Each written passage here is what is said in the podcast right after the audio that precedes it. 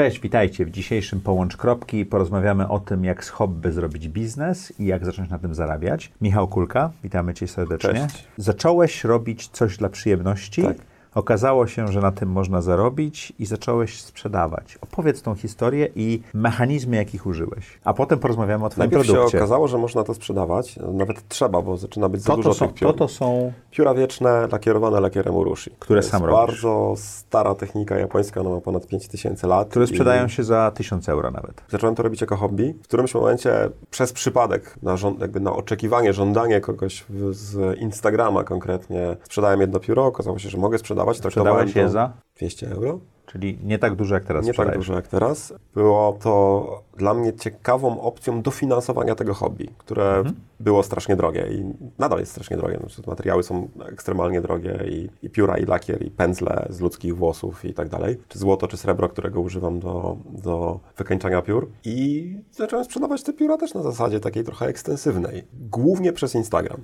I to nadal jest główne miejsce, gdzie można najłatwiej zobaczyć i kupić to pióro. Po prostu Czyli Twój oglądając- Instagram jest tym, co sprzedaje Moim twój showroomem. Moim showroomem. i to jest główny, główny kanał sprzedaży. Bo ty też masz, e, nie masz serii, ty masz jedną. Mam jedną pojedyncze egzemplarze. To są pojedyncze Mhm. egzemplarze i zwykle nie są jakoś powtarzane. Jeżeli są powtarzane, to po pół roku, czy po kilku Mhm. miesiącach. Tak? Czasami są dwa lub trzy w podobnym designie, ale podobnym wyglądzie, ale zwykle są to pojedyncze egzemplarze. Są oczywiście tradycyjne techniki i tak zwane tamenuri, które można odtwarzać i, i robić regularnie, ale zwykle nie. Nie lubię zresztą ich. I głównym kanałem sprzedaży okazał się być Instagram. Instagram jest potężnym kanałem sprzedaży. A twoi klienci wizualnych pochodzą z? ze wszystkich krajów świata i to jest chyba y, jedyna rzecz, która jest w tym przykra, że w Polsce sprzedały się tylko dwa moje pióra i to jednej osobie. Okej. Tej pierwszej? Y, Nie. Oprócz tej pierwszej. Nie.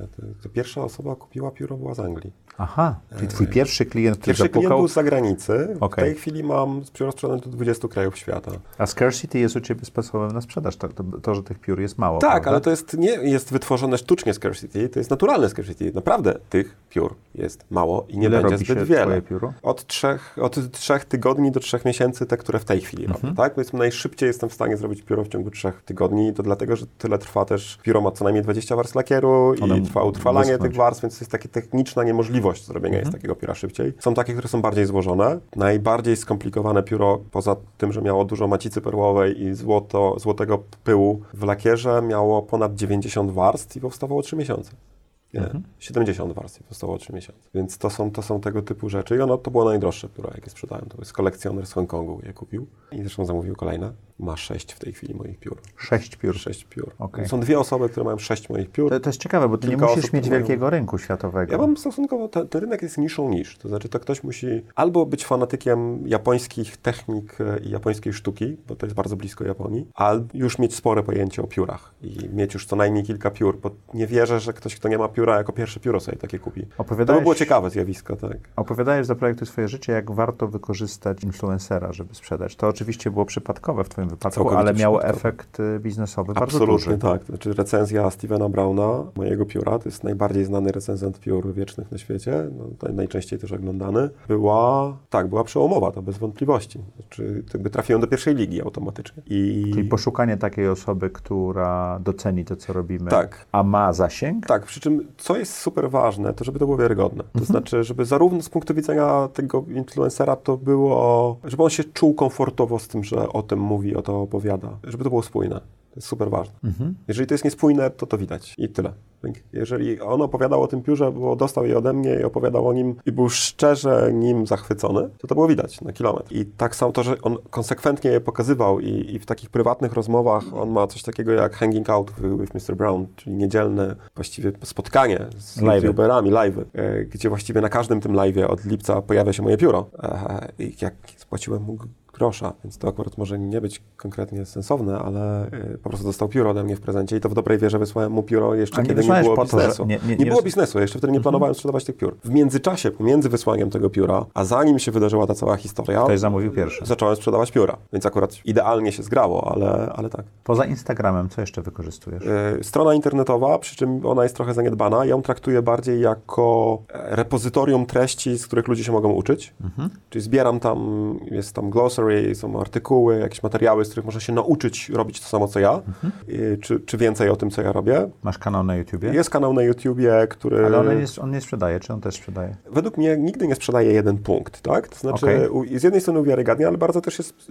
Czasami kanał jest tylko Discovery, a gdzie indziej jest to dalsza część AIDy. Nie? Jakby, sorry, wiesz o czym mówię, ale muszę wytłumaczyć. Mhm. Tak. Ale pytanie, Czyli czy są inni- ludzie, którzy dowiadują się o mnie z y, YouTube'a, znajdują mnie na Instagramie, tam widzą więcej piór, kupują. Są ludzie, którzy dowiadują się o mnie na Instagramie, zostają na Instagramie, przeglądają moje pióro na Instagramie i kupują na Instagramie i to jest zamknięte, zamknięte miejsce, ale są tacy, którzy dowiadują się od innych, wchodzą na moją stronę, piszą do mnie maila, dowiadują się, że mam Instagrama, odsyłam ich na Instagrama, czyli jest kilka kanałów, które mogą mieć różną funkcję, tak? Mogą, być, mogą mieć funkcję właśnie discovery, odkrycia tego, że istnieje taki wariat, który robi pióra Urushi w Europie i to jest w ogóle niesamowite. Mogą mieć funkcję wciągnięcia ich w jakąś interakcję, tego, tego wytworzenia interest i desire, czyli tych dwóch kolejnych Czy elementów robisz to świadomie? Zarządzanie tymi kanałami? Mamą bym powiedział, że bardzo świadomie. Okej. Chyba, że mam to na tyle we krwi, że dla mnie to jest oczywiste, że tak to ma działać. bycie marketerem i... Tak, to znaczy dla, ja nie muszę się wysilić, żeby Rozumieć. umieć takie rzeczy robić i robić je w miarę naturalnie. Było dla mnie oczywistym, że, że taki przepływ będzie i oczywistym, że,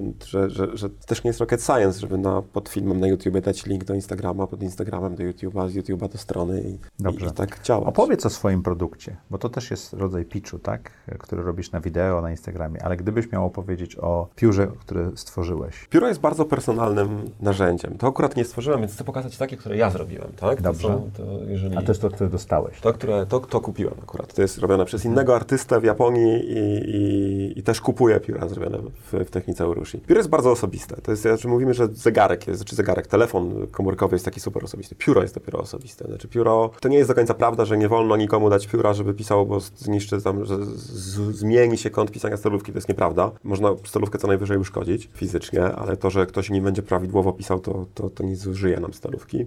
Pióro jest osobiste, musi w jakiś sposób wyrażać naszą, po, zwykle wyraża w jakiś sposób naszą, nasz charakter, naszą osobowość e, i, i też to, co lubimy i w jaki sposób tym narzędziem się chcemy posługiwać. Dawać przyjemność w pisaniu. Tak?